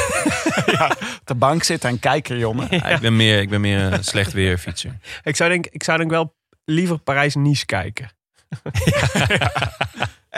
Nee. Ter voorbereiding op het Vlaamse wielen. voorbereiding Ja, is beter van ook, Milaan. Sanremo. Is beter, anders dan, eh, dan denk je maar dat het allemaal zo makkelijk gaat. Nee, ja, gelijk heb je. Nog heel even over de sprint. Die dan, eh, die dan uiteindelijk volgt. Ik vind, dat, ik vind die finish eh, ook, ook altijd wel spectaculair hoor. Van Milaan Sanremo. Het is gewoon wel spectaculair. Zoveel zigzag aan het einde en zo. En dan komen ze dan op die lange brede straat komen ze uiteindelijk terecht. Ja, En eh, nou, dus volgens mij zat iedereen gewoon te kijken naar wat Gos ging doen. En ja, wij weten het gewoon dat hij het gaat winnen. wij, wij zitten daar ook naar te kijken. Het was wel ehm, eh, opvallend dat hij uiteindelijk ging sprinten met Cancellara. En eh, Gilbert vlak achter. Dus hij had ook niet echt sprinters natuurlijk als concurrentie. Het was wel, hij moest het ook wel afmaken hier. Ja. Maar Mooie winnaar, toch? Schitterende winnaar. Eh, en wij dachten natuurlijk, laten we even kijken of we Gos kunnen vinden. Want alles gaat over Greg van Avermaat. Ja, maar dit was leuk. Dus eh, ik had dus, ik had, ik had even dacht, hoe, komen we nou, hoe kom je nou aan het telefoonnummer van Matthew Goss? Ja. En dus eh, dachten we, nou laten we het, laten we het eens even vragen, eh, laten we eh, vragen bij de vrienden van de show en op Twitter of eh, iemand ons kan helpen, kon helpen aan contactgegevens van Matthew Goss.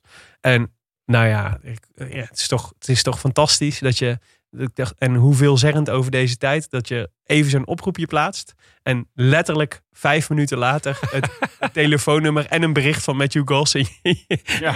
in je WhatsApp, in je WhatsApp bericht hebt. Ja. Dat vond ik fascinerend. Ja. En ondertussen hadden we het denk ik van drie verschillende kanten. Dus Michel Cornelissen die had gereageerd. En Liedewij van Noord die had de Italiaanse mechanicien gebeld. Om, te- om, om te vragen of hij, het, eh, of hij het nummer had. Waar ik er een bizar eh, voicebericht van kreeg. Wat ook wel weer heel romantisch was.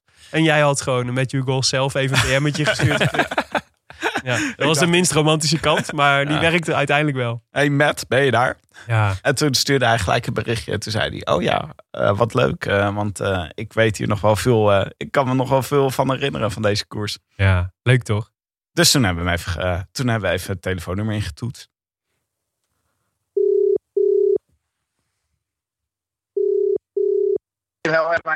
Hey, hey, Matt. This is Willem. Um, hi. Thanks for taking the time. um, I was wondering. No, no worries. There's Yeah? there's not too much bike riding to watch at the moment, so we may as well talk about some. Okay. wh- wh- where are you at the moment? You're in Australia right now. Yeah, I'm in Australia. I'm in Tasmania back. Um, but I've been here since about 2017. I came back. Uh, yeah, Because you were living in Monaco before, right? During your cycling career. yeah, uh, yeah. I lived there my whole career, basically. 10, 11 years I was there, and then I moved the following year after I stopped racing. We come back to to Tasmania to Australia Okay. with family mainly. You know, have small kids, and it's nice to be able to the grandparents and do that kind of stuff. Oh yeah. And how's life there right now in Corona times? That's pretty quiet. Yeah. you know, there's not a lot happening. It's uh, I guess it's the same all around the world at the moment. That Everything's kind of in lockdown, and everyone's getting to spend plenty of time at home. Yeah. Exactly. And watching and, and rewatching old classics. which, Yeah. which is, All I guess, is a good way. Every sport you've ever. Yeah. I guess it's a good way of spending time in uh, during quarantine, right? Yeah, exactly. But the worst thing is, you guys are coming into summer, so you'll be looking outside at the nicer weather. Going into winter, so it's probably nice to be inside here. Yeah, that's true. That's true. Well, let's talk about Milan San Remo then. Uh, in 2011, is it? Uh, I was. Uh, I was. Uh, um, I was wondering. Uh, you were coming from Paris Nice, right? Before uh, hitting uh, Milan San Remo. Yes, so we were in Nice in 2011, which is you know everyone always kind of thought that Torino was the best, the best option, but um, well this time it worked out okay from from Paris Nice. It was I always of probably more often did Torreno, but Yeah. uh, this year in 2011 I did Paris Nice. And and what do you remember about the Paris Nice? Because you you won a stage there, right? Also. Yeah, I won a stage. I'm not sure what stage it was, the second or third stage, and had the the lead the, the jersey there for a little while. Form was, but you never really know until you get to these big one day races. No. How how how were? Do do you remember how you felt in the morning of Milan San Remo? Uh, the morning it's it's a tricky one because it's so long. Yeah. You you never feel great because you know you have to wake up and eat a bowl of pasta and rice and stuff that you don't really want to eat at 5.30, 6 o'clock in the morning. um, but uh, yeah, I remember like you know I, I was feeling pretty good. You you know at the time in the team with Cav we had you know him was obviously a, always a big favourite for a race like Milan San Remo. So there was never too much stress or pressure on on someone like myself there that day. Yeah, because you were riding for uh, HTC High Road, uh, and then so the the idea of the Yeah, the- yeah. So HD. yeah. So the the team was the t- the the plans of the team was to go for Cavendish that day. It was basically 50-50. It was kind of see who who got over the final climbs best, or you know, just make a call during the race. So we kind of spoke about, you know, one of us would make a decision, or we'd both have a chat, Yeah, and we'd see what the best option was when we got close to the finish. But as it was that day, um, the race was already basically half decided by halfway the of, of, the race. What was it the when we went over La Magna? Basically, I think half the peloton was gone. Yeah, after the downhill, right? Yeah, because it just started raining as we went up. So we that the, the descent of Magna is a pretty sketchy one. Yeah. Actually, I think most of the ones in San Remo are, but that's what makes it fun. Um, yeah, and we went down the other side, and there's a lot of crashes. Um, And wh- what was the first time in the race you thought uh, you that yeah you had good legs? Um, probably. Well, when I knew I had really good legs, the legs that could go the distance was probably when we were on the Chimesa, because that's the first real test after after Le Mans. So I, I kind of got up there okay, and I thought, well, if I feel that good on the Poggio, then I should be all right. But it, it's a tricky one because again, half the field was gone that day after the halfway point of the race, Yeah, and uh, I had no teammates. Yeah, had I no teammates anymore. No car behind me, so I couldn't talk to anyone. So- no, no, they were all in the back group. It was just myself, so I didn't have really much conversation with the team car, and I didn't have any teammates. there. so So you had to figure it out all by yourself. Yeah, basically. So and what and Um, what were you your know, it's and all what, good to have great legs, but if it's what were your thoughts at that moment? So wh- how do you thought it would play out for you in in in, in the best way? Well, my first thought was I was just hoping I didn't punch her because I had no option. You know, it was basically no teammates, no cars. If I knew I had good legs, I could be there. That was one thing that could take me out with you know no no fault of my own. But um, I guess the main thing for me was you know I I knew it had to be a small sprint or just to be there at the finish Yeah, because you know I, I knew at the time I was, I was sprinting pretty quick, and if I could just be there, then that gave me a good opportunity. And just to the race is so attacking in the final, you know, and even that year it was really attacking as well. So it's making the the calls about where to spend your energy and where to try and bluff, I guess, and get somebody else to to make the moves. And um, there was a lot of moves in the last, you know, from the bottom of the Poggio to the finish line, but yeah. it all come together in just the right places. Do you, do you remember which which attacks you you reacted on? Uh, I think there was one there where I followed Fabian in the, like about three, four kilometres ago, just after the bottom of uh, the descent off the Poggio. Yeah, Um, that I, I can't. You know, I know there was one or two. Maybe there was one with Pizzato as well. But um, you know, the other most important thing with San Remo was the, the case again in 2011. Is trying to be at the on the descent off the Poggio because it's so dangerous. I think there's a crash there, and half the what was left of the front group yeah, was then distanced. You know, so the, the race was about not being eliminated from behind than it was to try and stay in front. And did you did you know did you did, did you know you were the fastest sprinter in the group that was uh, that was left? Uh, I knew on a normal day that you know I could be the fastest guy, fastest finisher there. But any race that's over six hours, six and a half hours, your body doesn't exactly respond the same as what it does at a, as a sprint. Yeah, You know, in a, in a, a grand tour. And those guys probably had a lot more experience, or they definitely had a lot more experience in in those finishes, like you know Fabian and Phil Gilbert. And for me, it was just about not doing anything silly and just keeping a cool head as much as I could, and trying to put myself in the position that I you know needed to be to to have a sprint. Yeah, And then when I did the sprint was just to try and make sure I didn't do something silly and get boxed in on the fence or um, give myself space. yeah. But you seemed we because we we already saw the the um, uh, the race of we we just watched it this afternoon again. You seemed really really powerful in the last uh, last couple of Ks. Like even the commentators were were saying, "Oh, Goss Goss is the big favorite now because he looks really really strong and ready to win this race." Yeah, maybe it's a bit of adrenaline as Yeah. well. You know, you you get to that point and you, it's it's it's an exciting thing. You do you do. Last time you've done 300 kilometers by that point, Yeah, and you're in with a chance to win one of the biggest races in the sport. And uh, um, obviously, you, I, I don't know, it maybe something just takes over a little bit, and you just you get this extra bit of power. But um, look, I felt really good that day. I did feel strong, and um, you know, when you've got that sniff of a win that's that's so elusive, then uh, you know you find an extra gear sometimes. yeah. What He- um when what when was the moment that you thought, hey, I can win here?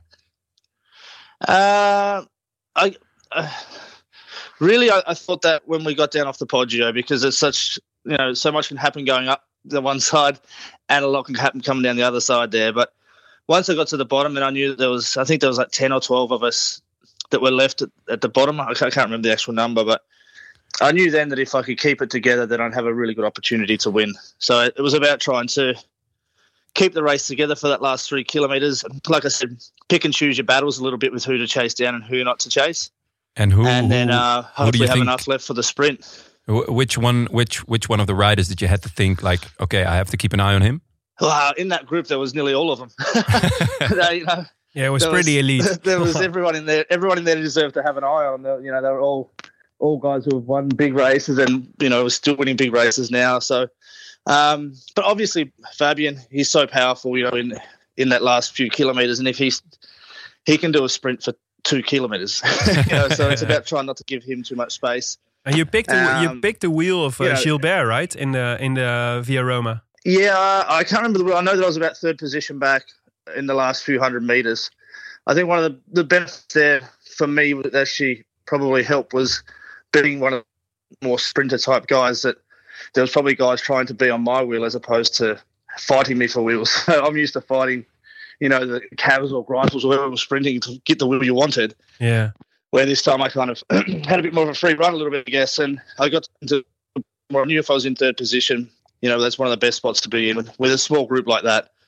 Um, yeah, and then just bided my time a little bit until you get to that point where you know you can make it to the finish line, and Yeah. you don't really know that point is it after 290 k's. So you hear from a lot of sprinters that at, as soon as they uh, they start their sprint, they know uh, if they have it or they don't. Did you immediately knew when you started your sprint uh, that you were going to be first at the finish line? Um, after about 40 or 50 meters, I did, yeah. Yeah. Uh, you know, when you see how everyone first kicks, when they take that first initial kick, really start to sprint.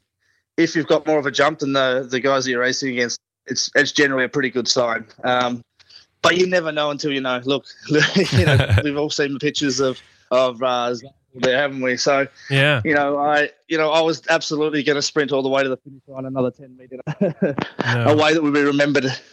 No, exactly. Uh, but you you did have time to sit up and uh, and put your hands in the air. Yeah, no, look, it's it was. I guess I, I knew that about oh, probably 30, 40, 50 meters to go that um, I, I had it in the bag, but um, I definitely had a look under the arm and you've got that feeling of if, if anyone's around, and Yeah. uh, I was pretty we we're going to be okay. Okay.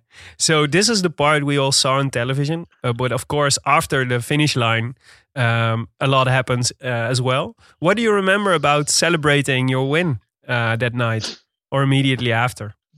Uh, well, directly after the race, it was pretty cool. You know, um, one of the first guys I seen was was Eric Zabel, who worked for the team Yeah. with us at HTC, and you know, for him, you know, and for me to see him after the finish line was pretty cool because as a kid I watched him winning so many times there, and uh, that was pretty cool. And then I remember uh, chatting to Stuart O'Grady uh, briefly after the finish because he was in the group with us as well, I think, and um, you know, it was just I was probably a bit more excited than he was because Yeah. of the result, but he was probably more knackered and tired after trying to get Fabian up for the win because he was riding with Leopard at the time. But um, I wasn't going to let it uh, worry me. I was going to tell everyone how happy I was.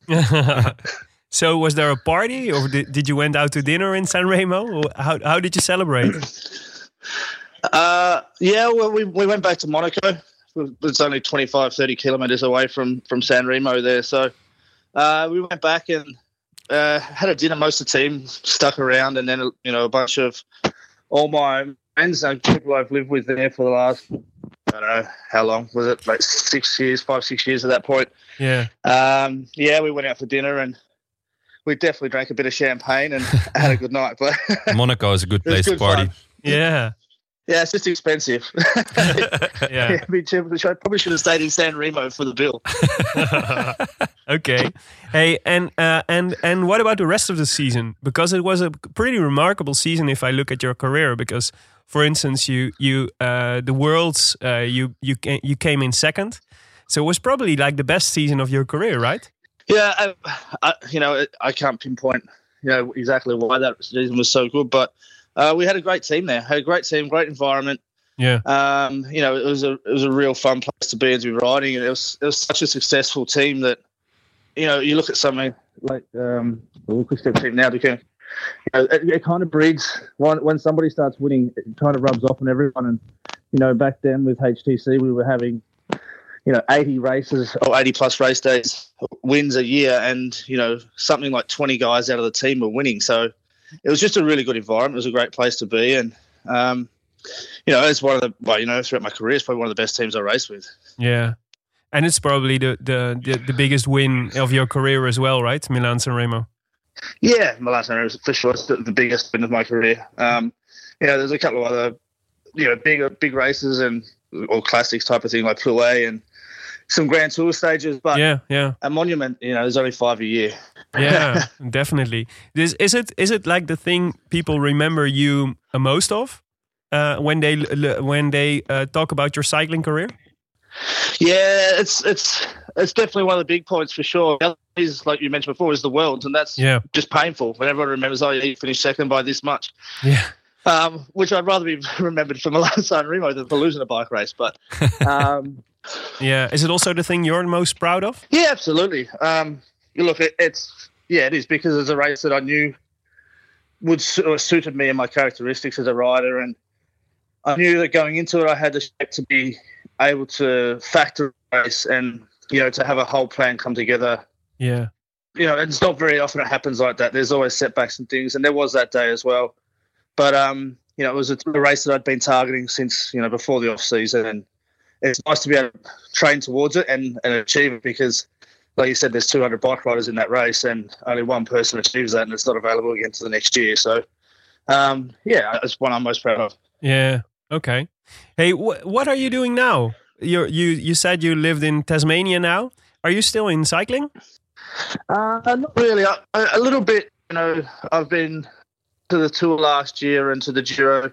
Yeah. But um, at the moment, we we have a a hotel, bar, and uh, restaurant, and we're just opening up a second one as well. So oh, that's cool. kind of what keeps me busy at the moment. But mind you, with this uh, this COVID nineteen stuff, it's not the best industry to be in. But tourism, no, I'm sure it'll be fine in time. Yeah. Well, maybe we've got lots of room space with not many people. yeah. Well, well, well, maybe we can do some advertising in the podcast, so every every listener who goes to Australia can spend some time in your hotel. Except nobody's allowed into Australia at the moment. They've shut the borders, so it'll have to be later on down the track. Yeah, well, later on, it will pass so uh, someday. yeah. Yeah, exactly, exactly. Yeah, good. Uh, one one more last question. You you you stopped pretty early in your career with uh, with cycling, right? How old were you when you did yeah, your I last? was thirty when I finished. Yeah, that's pretty it's pretty early, right? Why why was it why was it that you uh, uh, quit cycling so so so early? Um, I guess there was a few things. I, I just you know it's it's a super tough sport, and I I kind of I just lost that drive for a little bit, that little bit of motivation that you need, and you know, you could ride around and get a contract for another year, and just I, the way I felt about, I, I, was ready for a change. I wanted to do something different, and um, you know, it's too hard a sport just to do at ninety five percent. It needs to be hundred percent, and and um, yeah, I kind of made the decision. Um, you know, it was time to find something different and you know challenge myself in a different way. So yeah, um, yeah, it wasn't you know, there's just I, I I wanted to change. I needed something different, and I wasn't enjoying it as much as I should. And it's too hard if you're not enjoying it. That uh, you know, like I said, 110. percent So I, I can imagine. Um, well, thank. It's great talking to you. Thank you very much for your time. No worries, guys. Thank you. Yeah, and I wish you Hopefully, all. um, I wish well, you all the luck. We know who's going to win the win today, but thank you. Yeah, I think I, I think I'll go for Matthew Goss. Put a few dollars on that. Yeah, that would be good. All right, guys. Thanks for that. Thank you very much. Cheers. Talk to you later. Bye bye. No worries. Cheers. Thanks. Bye bye. Bye. Zo, dat was, eh, dat was Matt Goss. Eh, het leek een beetje alsof de telefoonlijn, alsof het zo'n zo'n kabel was die hoog in de lucht hing en af en toe heen en weer wapperde. Ja. Maar het misschien even goed om het heel even samen te vatten voor, eh, voor als het niet goed te verstaan was. Hij was dus, hij zei, het is zo'n lange koers. Van tevoren vuig je er eigenlijk niet echt op, omdat het gewoon de eerste echt pittige koers van het seizoen is. Ja, en omdat je heel, heel in, s ochtends in de ochtend vroeg meteen een heel bord pasta moet leeggeven. Op een nuchtere maag. Half zes 's ochtends, zei hij. Ja. En ehm, in, binnen de ploeg waren Cavendish en hij waren de twee, ehm, de twee troeven. Ja. En het was een beetje kijken wie er dan eh, over die Cipressa heen zou komen. En Cavendish zat natuurlijk al vroeg bij, eh, bij de valpartij. In de verkeerde groep. Of, eh, ja, de, in de verkeerde groep door de valpartij. Ehm, en ehm, hij zei ook dat het eerste moment waarop hij dacht eh, dat hij zou kunnen gaan winnen, was toen hij de Poggio eh, overkwam. En toen wist hij dat er naar hem gekeken zou gaan worden vanaf dat moment. Ja. En eh, ook opvallend vond ik dat hij zei ehm, dat hij dus helemaal alleen zat. Dus geen, geen, inderdaad geen ploeggenoten in die, in die voorste groep. En ook geen contact met de ploegleiderswagen. En dit was een van de koersen waar de oortjes... Dat was toen nog in de tijd dat in sommige koersen wel oortjes toegestaan waren en sommige niet. Ehm, en in deze koers was het wel toegestaan. Maar hij had dus helemaal niks. Dus dat, dat hij ook zei van eh, ik was bang voor een eh, puncture en eh, dat er iets zou gaan gebeuren. Want hij zat eigenlijk helemaal alleen. En ehm, dus het is wel grappig dat hij ehm, zich kan herinneren dat hij Cancellara op een gegeven moment terughaalde. Nou, Cancellara terughalen, dat is eh, iets wat je niet heel vaak in je carrière zult nee. Nee. Ongelooflijk, volgens mij haalt hij daarna ook nog Alfredo een keer terug. Ja, Dus hij was echt heel erg goed die dag. ja, cool. Ah, leuk. Leuk om te Leuk, spreken. leuke gast. Zeker. U luisterde naar De Roland Taarn, gepresenteerd door uw favoriete bankzitters Tim de Gier, Willem Dudok en mijzelf, Jonas Riese. Veel dank aan onze sponsoren Canyon, hashtag fiets van de show en Scorito. De Roland Taarn wordt verder mede mogelijk gemaakt door Dag en Nacht Media en hetskoers.nl, de wielerblog van Nederland en Vlaanderen.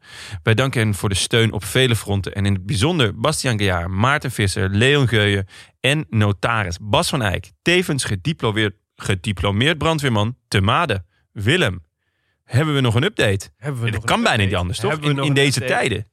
Nou ja, coronatechnisch eh, valt er weinig over de brandweer te melden vooralsnog. Godzijdank. Maar gisteren, dus, eh, en eh, we nemen nu zaterdagavond op, dus we hebben het hier over vrijdagmiddag, waar ik nu over heb, was, eh, werd brandweerteam Maden gealarmeerd dat er wederom een voertuig in brand stond op de A59 bij Oosterhout. Dat zijn zeker de bejaarden weer. Nee, het was een eh, gehandicapte ditmaal.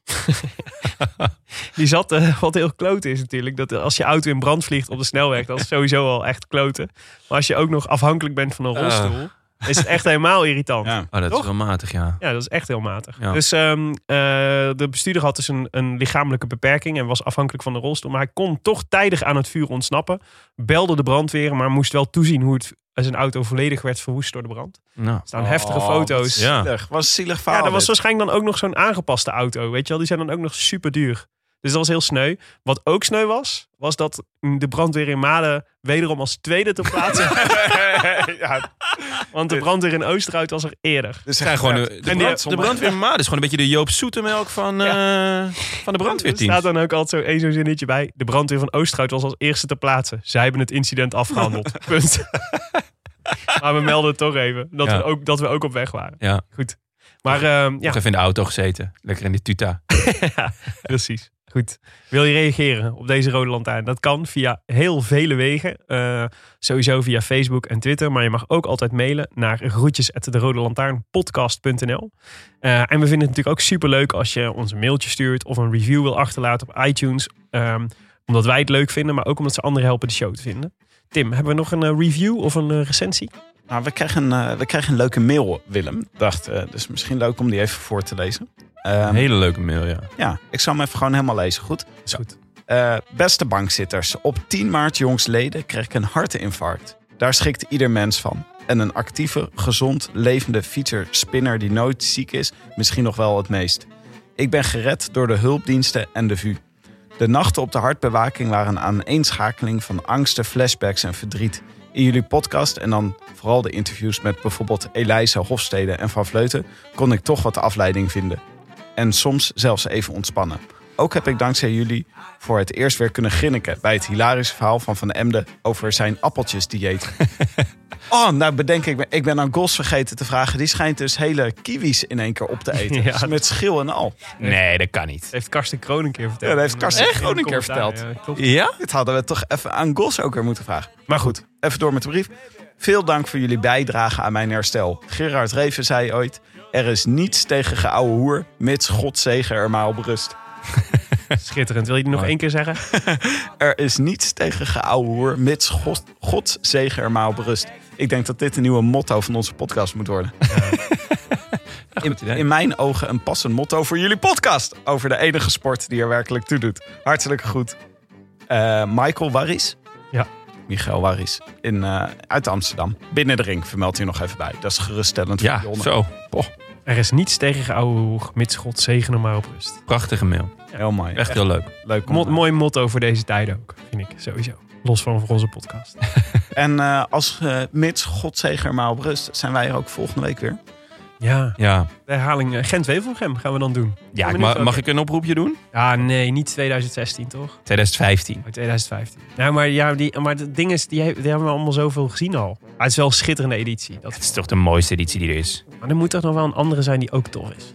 Nou, eh, Eurosport gaat in ieder geval Gent Wevelgem 2015 uitzenden. Ja. Wij laten ons leiden door eh Sporza. Ja, zeker. Jij zegt trouwens Sporza. Is het Sporza. is gewoon Sportza? Sportza. Ik zeg ook Sportza, maar de Belg kennen het, is het Sporza. Sporza. Ja, precies. Ja, het is- Net zoals het één is. In plaats van één. Moet allemaal niet te moeilijk doen. Goed. En Renaat in de plaats van En- Renaat. Granaat! En Greg. Ja, ja goed. het zijn gekkies. Het Ja. zijn leuke gekkies. Maar goed, Eh, we gaan ook eh, dus eh, ja, we gaan zien welke Gent-Wevelgem het wordt. En dan gaan wij eh, weer proberen om, eh, om een van de hoofdrolspelers aan de telefoon te krijgen. Dat lijkt me een mooie, mooie uitdaging. Oh ja, zeker. Ik Ja. heb wel voorkeuren. Dat eh, geloof ik meteen. Jongens, eh, ik wens jullie eh, sterkte deze week. Het zal weer eh, ongetwijfeld ingewikkeld worden her en der. Maar we zijn er. En we zijn er met z'n drieën. En we zijn er voor elkaar. Hè? Ja, doen, doen we nog een afsluiting à la Jerry Springer dit keer? Of laten we die achterwege? Ik zou zeggen, gewoon a biento. A biento. A biento. I wish I could be in the south of France. In the south of France. Sitting right next to you.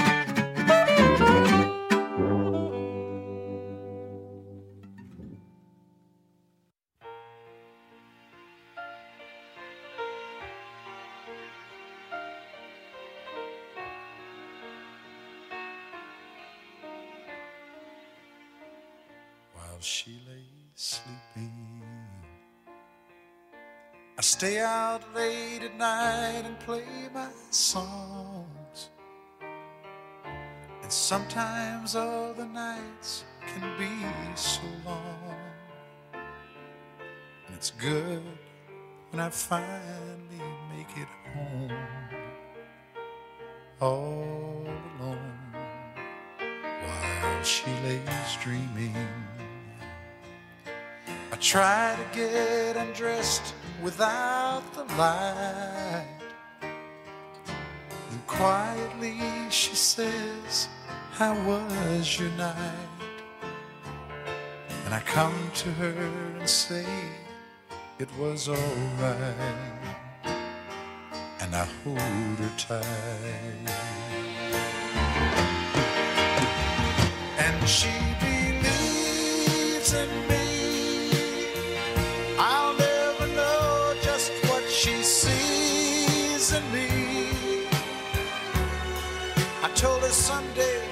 she was my girl, I could change the world with my little songs.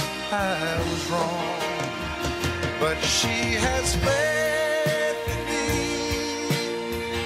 And so I go on trying faithfully. And who knows, maybe on some special night, my song is right, I will find a way, find way. Luister nu naar de Mondkapjesmiljonairs. Een serie over de grootste mondkapjesschandalen van Europa. Want wist je dat Siewert helemaal niet uniek is? De Mondkapjesmiljonairs, exclusief op Podimo. Ga naar podimo.nl slash mondkapjes.